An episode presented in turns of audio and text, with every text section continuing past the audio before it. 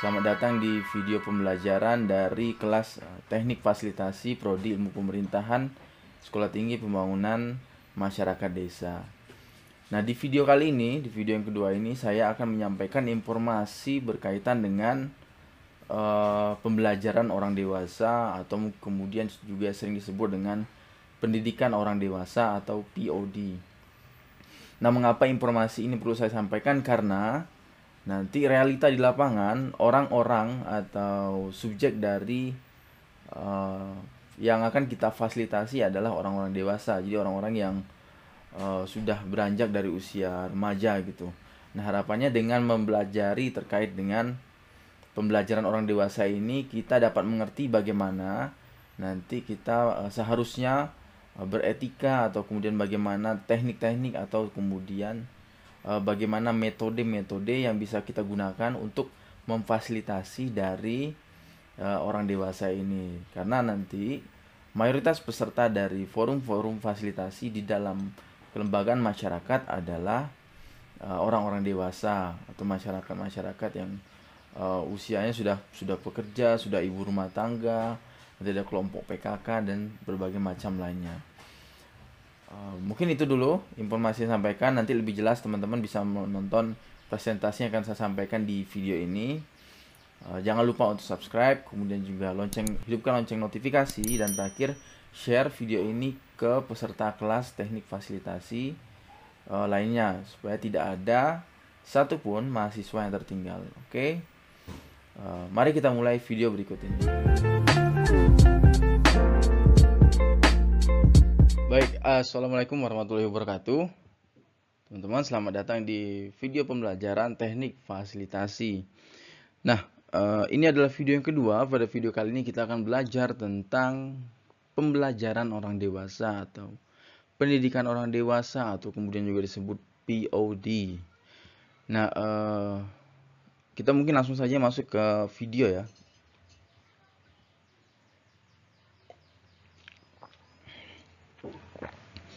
Buat teman-teman yang di rumah sambil ngopi, sambil minum, sambil makan, nonton nggak jadi masalah. Uh, kita mulai slide yang kedua. Nah, latar belakangnya adalah gini. Masyarakat itu adalah sekelompok individu yang memiliki pengalaman, ide, pemikiran, sudut pandang, kepercayaan, dan juga nilai yang dianut. Nah kan kita juga menyebut orang dewasa itu diklasifikasikan berdasarkan umur ya. Biasanya mungkin sekitar umur 20 tahun ke atas lah. Atau mungkin setelah menikah, kalau bagi laki-laki itu 19. Kalau bagi perempuan itu sekitar 16 tahun. Tapi ya kita mungkin punya pe, eh, kesepakatan bersama bahwa memang orang dewasa itu biasanya udah berumur sekitar 25 atau 20 tahun ke atas gitu. Dan juga orang dewasa itu merupakan long life learner. Artinya gini,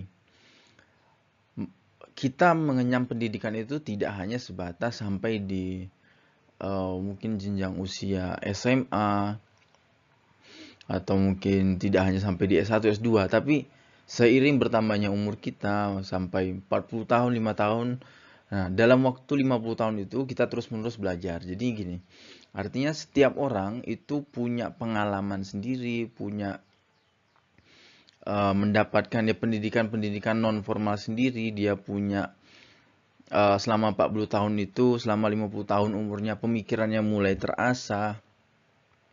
Kemudian juga uh, pengalaman-pengalamannya bertambah. Nah, gitu. Makanya uh, di sini dalam konteks ini orang dewasa itu menjadi bagian dari uh, masyarakat secara keseluruhan. Uh, kita lanjut ke slide berikutnya. Ini berkaitan dengan tinjauan historis. Jadi pada tahun 1833 pertama kali itu mencetuskan terkait dengan pembelajaran orang dewasa yaitu Alexander Cape. Dia mengatakan bahwa orang dewasa itu terus belajar di masa dewasa. Artinya belajar itu tidak terbatas dengan tidak terbatas waktu maupun tempat.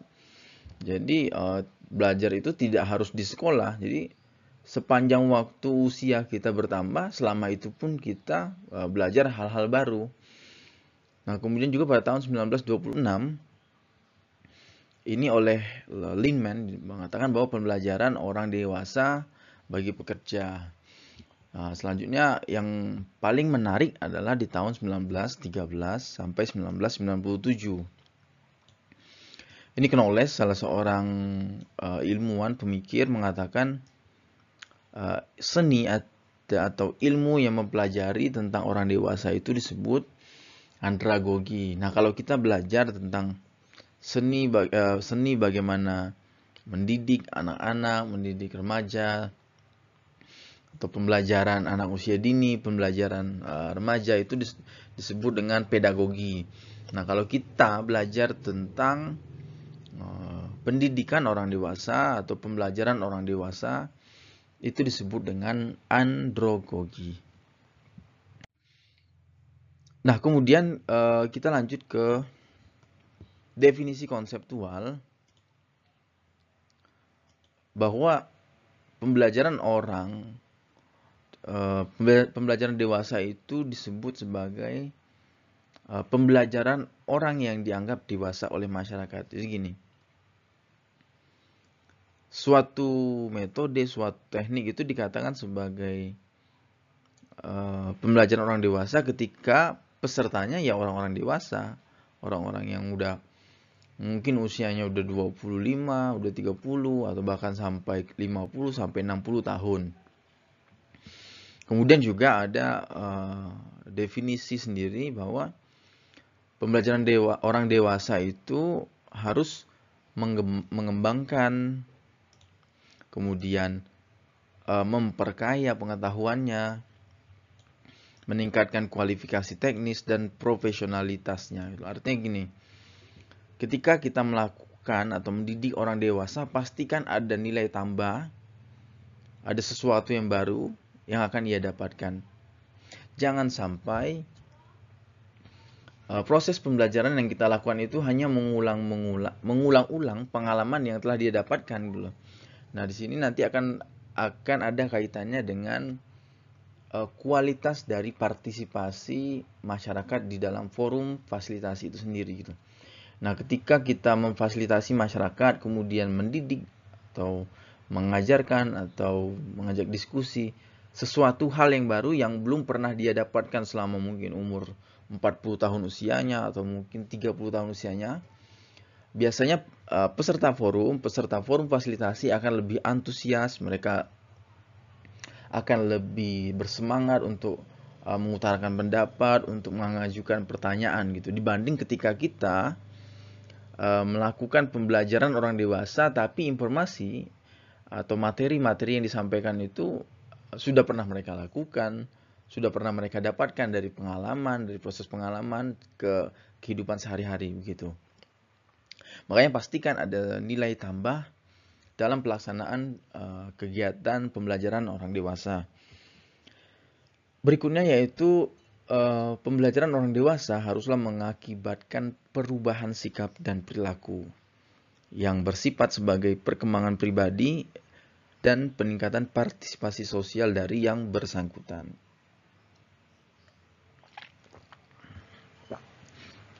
Jangan sampai forum fasilitasi tersebut atau kegiatan pembelajaran orang dewasa menjadi hal yang sia-sia karena mereka tidak mendapatkan manfaat apa-apa, kemudian tidak ada sesuatu yang berubah dari uh, dirinya sendiri. Jadi jadi masyarakat tidak diuntungkan sepenuhnya dengan forum fasilitasi itu. Nah, makanya kita sebagai calon mahasiswa nanti Anda semua sebagai calon agen perubahan yang akan menjadi fasilitator di lapangan yang akan menjadi uh, pendamping yang akan uh, tinggal mungkin di tengah-tengah masyarakat harus memastikan ketika proses fasilitasi tersebut akan akan memberikan nilai tambah kepada uh, masyarakat kepada diri masyarakat itu. Nah, selanjutnya definisi konseptual juga masih bahwa yang terakhir, pembelajaran yang mendewasakan adalah eh, suatu kegiatan belajar yang terjadi akibat adanya upaya menimbulkan kesadaran kritis. Nih, terhadap situasi, lingkungan, dan sistem yang melindungi diri dan kondisi masyarakat. Segala hal yang diketahui, dialami, diyakini masyarakat merupakan modal penting untuk merencanakan dan mengupayakan perubahan. Artinya intisari yang bisa kita ambil atau bisa kita simpulkan dari pembelajaran orang dewasa adalah proses pembelajaran orang dewasa tersebut atau POD atau pendidikan orang dewasa memastikan adanya uh, upaya untuk memantik atau menimbulkan kesadaran kritis dari masyarakat terhadap apa? Terhadap situasi. Misalnya gini, ketika kita memfasilitasi masyarakat eh, pinggiran atau masyarakat di daerah kumuh di, di sekitar perkotaan, pastikan bahwa proses fasilitasi tersebut eh, menimbulkan kesadaran bahwa mereka dalam kondisi yang tidak baik, bahwa mereka dalam keadaan yang tidak benar, bahwa mereka dalam keadaan mungkin terjerat dalam kemiskinan. Pastikan hal tersebut uh, mereka sadari karena kita ketahui bersama kadang masyarakat itu terjebak dalam uh, dilema ketika mereka uh, mampu untuk menghidupi penghidupan sehari-harinya tapi ketika krisis terjadi ataupun ada hal-hal yang di, mengakibatkan masyarakat tidak dapat melakukan rutinitasnya sebagaimana mestinya mereka akan terpuruk mereka akan jatuh gitu nah sini di sini kita coba melalui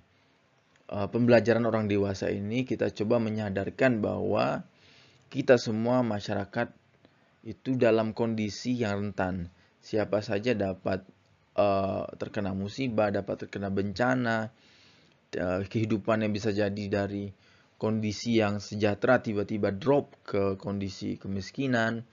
Begitu. Jadi intinya adalah uh, melalui pembelajaran orang dewasa kita, Eh, masyarakat itu mulai sadar dengan keadaannya, dengan kondisinya yang tidak benar ataupun uh, yang salah tersebut.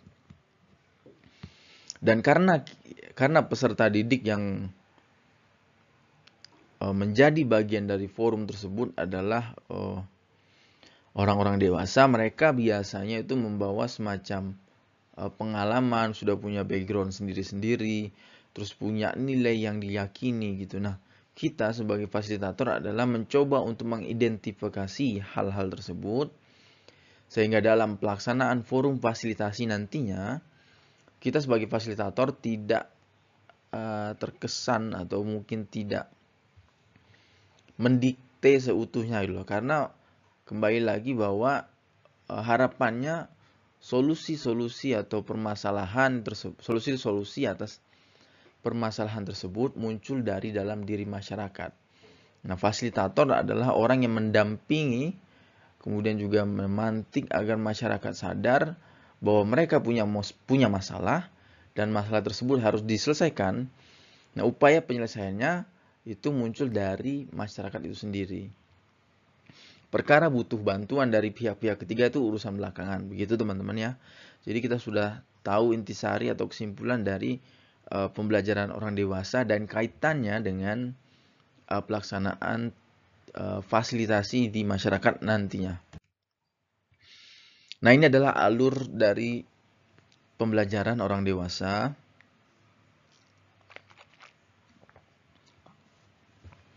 Biasanya kita memulai dari ini, uh, mulai dari pengalaman peserta. Kita cari tahu, kita coba pancing mereka untuk bercerita, untuk menyampaikan uh, pengalaman-pengalaman uh, apa saja yang sudah mereka punya berkaitan dengan uh, permasalahan yang sedang dibahas gitu ya. Misalkan berkaitan dengan uh, kerusakan lingkungan dalam hal ini sampah ya, sampah di RT yang tidak terurus gitu. Nah, pengalaman-pengalaman atau hal-hal apa saja yang sudah pernah dilakukan misalnya apakah sudah pernah seperti membayar petugas kebersihan atau kemudian uh, apakah sudah ada upaya untuk uh, mencari semacam lahan untuk tempat pembuangan sampah. Nah, ini kita coba gali lebih dalam ditelisik hal-hal apa saja yang sudah mereka lakukan yang kaitannya atau relate dengan permasalahan-permasalahan yang akan diselesaikan. Nah dari situ, dari pengalaman-pengalaman peserta tersebut, kita coba identifikasi, kita coba untuk diseleksi atau dipilah-pilah pengalaman atau praktik-praktik pemecahan masalah yang seperti apa yang punya persentase keberhasilan lebih tinggi gitu. Jadi kita mungkin membuat semacam grade atau tingkatan uh, upaya-upaya uh, pemecahan masalah pemecahan masalah tersebut. Dan selanjutnya step ketiga adalah menarik kesimpulan, menarik kesimpulan. Nah, makanya tadi saya singgung bahwa dari proses pembelajaran orang dewasa ini harus ada semacam action plan atau aksi yang bisa dilakukan dalam dalam konteks uh, pelaksanaan forum fasilitasi jangan sampai forum tersebut uh, tidak punya hasil. Jadi selama pelaksanaan forum hanya uh, seperti lempar gagasan, lempar ide, saling bersaut-sautan ide, saling mengkritik satu sama lain. Tapi inti dari forum tersebut adalah nantinya uh, orang dewasa atau masyarakat tersebut dapat menarik kesimpulan hal apa yang harus mereka lakukan setelah forum tersebut ditutup setelah forum tersebut uh, selesai dilakukan gitu. Dan selanjutnya solusi atau kesimpulan atau eh, upaya-upaya uh, pemecahan masalah tersebut dilakukan, diterapkan di tengah-tengah masyarakat, dicoba untuk diimplementasikan gitu. Nah, ini adalah alur ini uh, sifatnya berulang-ulang, artinya uh, bisa jadi setelah mereka menerapkan atau mengimplementasikan uh, pemecahan masalah yang disepakati setelah forum fasilitasi tapi ternyata uh, tidak memenuhi harapan mereka atau masalah tersebut uh, tidak sepenuhnya terpecahkan kemudian akan diulang lagi dari awal mulai dari pengalaman peserta lagi kemudian dilakukan uh, pemikiran dianalisis kira-kira apa kekurangan dari pemecahan sebelumnya, apakah ada kesalahan dalam implementasi, apakah ada kesalahan dalam uh, proses perencanaan gitu. Nah, ini akan ber, akan terus menerus berulang-ulang. Ya, sampai waktu yang tidak ditentukan sampai masyarakat merasa bahwa uh, masalah tersebut benar-benar sudah selesai gitu. Nah, ini karakteristik dari uh, pembelajaran orang dewasa bahwa berbicara tentang konsep diri, oh, kita nanti uh, mahasiswa sekalian sebagai uh, calon fasilitator di lapangan harus menyadari bahwa orang dewasa itu mampu mengambil keputusan sendiri. Mereka itu punya tanggung uh, punya tanggung jawab atas apa yang mereka sampaikan, punya tanggung jawab atas apa yang mereka lakukan.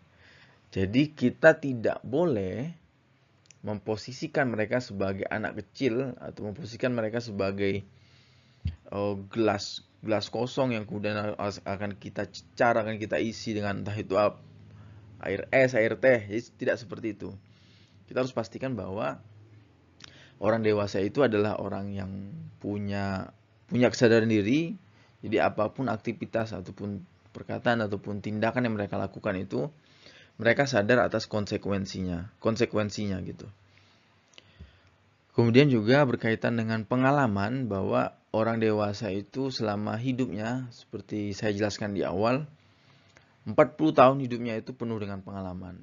30 tahun hidupnya itu penuh dengan pengalaman, kaya akan pengalaman. Dan kita, teman-teman semua sebagai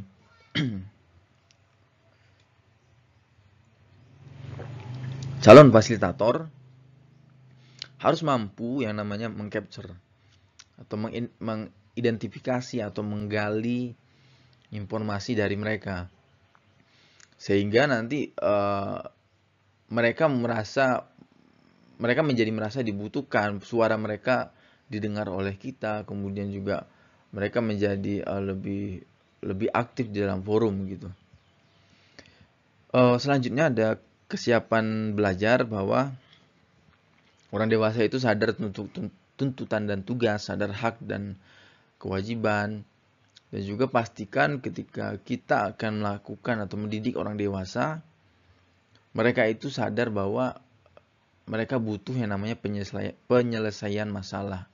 Makanya ketika mereka mengikuti sebuah forum atau sebuah kegiatan yang itu berkaitan dengan proses pembelajaran orang dewasa, biasanya karena ada ada rasa butuh, ada rasa uh, ketergantungan untuk uh, mengikuti proses pembelajaran orang dewasa tersebut. Ketika mereka punya masalah A dan mereka merasa butuh untuk uh, belajar tentang penyelesaiannya, maka mereka ikut dengan proses pembelajaran orang dewasa. Dan yang jelas yang pasti terkait dengan orientasi belajar bahwa orang dewasa itu tidak suka dengan yang namanya teori, teori ber apa ya teori-teori abstrak, teori-teori yang mungkin sulit diimplementasikan. Orientasi mereka adalah uh, penyelesaian masalah. Ketika ada masalah A, maka solusinya apa gitu. Jadi strike to the point. Kalau ada masalah sampah, maka solusinya apa gitu. Tidak tidak orang dewasa terutama masyarakat itu tidak berkutat di dalam yang namanya diskursus teori teoritik teoritik itulah mereka ya orientasinya adalah bagaimana masalah ini harus cepat selesai dengan cara yang tepat gitu. Misalkan terjadi eh, ada masalah uh, mungkin tawuran remaja terjadi di sekitar RT atau tempat tinggal mereka. Nah mereka mereka yang mereka harapkan adalah solusi bagaimana agar tawuran tersebut tidak terjadi di tempat mereka atau mungkin tidak terjadi di di mana pun gitu. Kemudian misalkan uh, ada da daerah atau tanggul tempat mereka jebol, nah mereka yang mereka harapkan adalah yang mereka harapkan adalah solusi bagaimana upaya untuk uh, mengatasi bencana tersebut. Jadi ingat bahwa orang dewasa itu ketika mereka belajar orientasinya adalah uh, terkait dengan pemecahan, pemecahan masalah. Dan mereka datang itu karena mereka sadar bahwa mereka butuh ilmu, butuh yang namanya informasi untuk uh, memecahkan masalah yang sedang mereka hadapi. Nah ini tuh oh, gaya pembelajaran orang dewasa yang mungkin ini mungkin jadi pemahaman kita bersama ya. Tuh saya juga yakin teman-teman mahasiswa sekalian menyadari bahwa oh iya yeah, karena kan teman-teman mahasiswa sudah hampir tergolong sebagai orang dewasa ya. 18 atau 18 sampai 19 tahun ke atas gitu. Tidak menyukai hala, uh, hafalan, kemudian juga uh, mengutamakan pem, pe, pemecahan masalah, maaf di sini ada typo, kemudian menyukai kondisi bebas, uh, tidak diatur, tidak didikte gitu. Kemudian senang terlibat interaksi. Jadi harapannya teman-teman semua ketika memfasilitasi sebuah forum upayakan atau minimalisir yang namanya e, menceramahi gitu. Coba bangun sebuah forum yang hangat di mana masing-masing peserta ini mereka terlibat saling interaksi antara satu dengan yang lainnya dalam bentuk memberi masukan ataupun memberi kritik atau melempar ide atau juga melempar gagasan gitu. Jangan sampai kita sebagai fasilitator nanti lebih dominan. Jadi itu namanya bukan bukan memfasilitasi tapi itu namanya penyuluhan. Nah, kalau penyuluhan baru wajar teman-teman menjadi uh, orang yang dominan karena teman-teman uh, mencoba untuk menyampaikan sebuah informasi gitu. Beda dengan fasilitasi. Kalau fasilitasi kita itu sebagai pendamping yang aktif ya nanti tetap uh, peserta-peserta yang kita fasilitasi di lapangan di forum-forum. Prinsipnya adalah bahwa kita, orang dewasa itu uh, mereka ingin dihargai. Mereka tidak ingin uh, dianggap sebagai anak kecil yang tidak yang tidak tahu apa-apa. Ya 20 tahun, 30 tahun kehidupannya pasti penuh dengan pengalaman.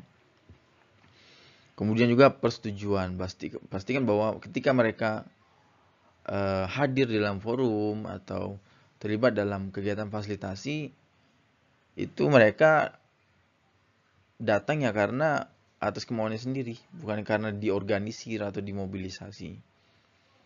Kemudian ada keterkaitan. di sini ini balik lagi ke tadi bahwa mereka butuh yang mereka itu butuh pemecahan terhadap suatu masalah.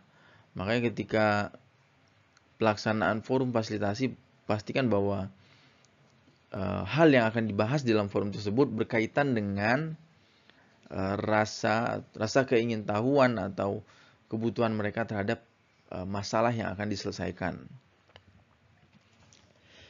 Selanjutnya ada dialog.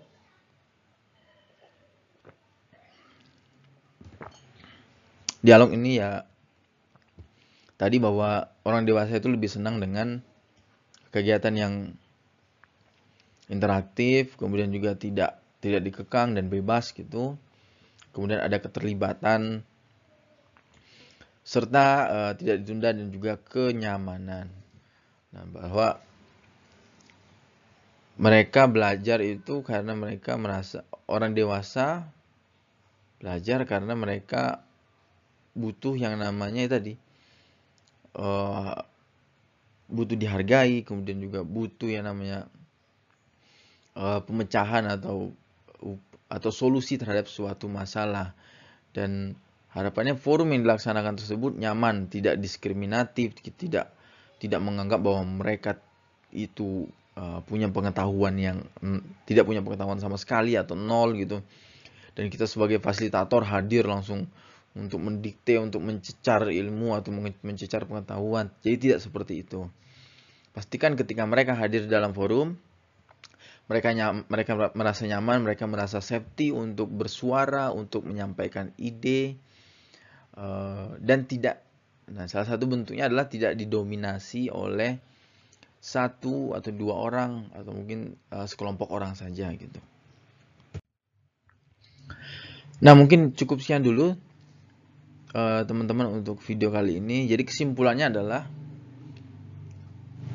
kita kawan-kawan uh, sekalian sebagai mahasiswa yang akan terjun ke lapangan nanti sebagai uh, fasilitator dari forum-forum yang ada di masyarakat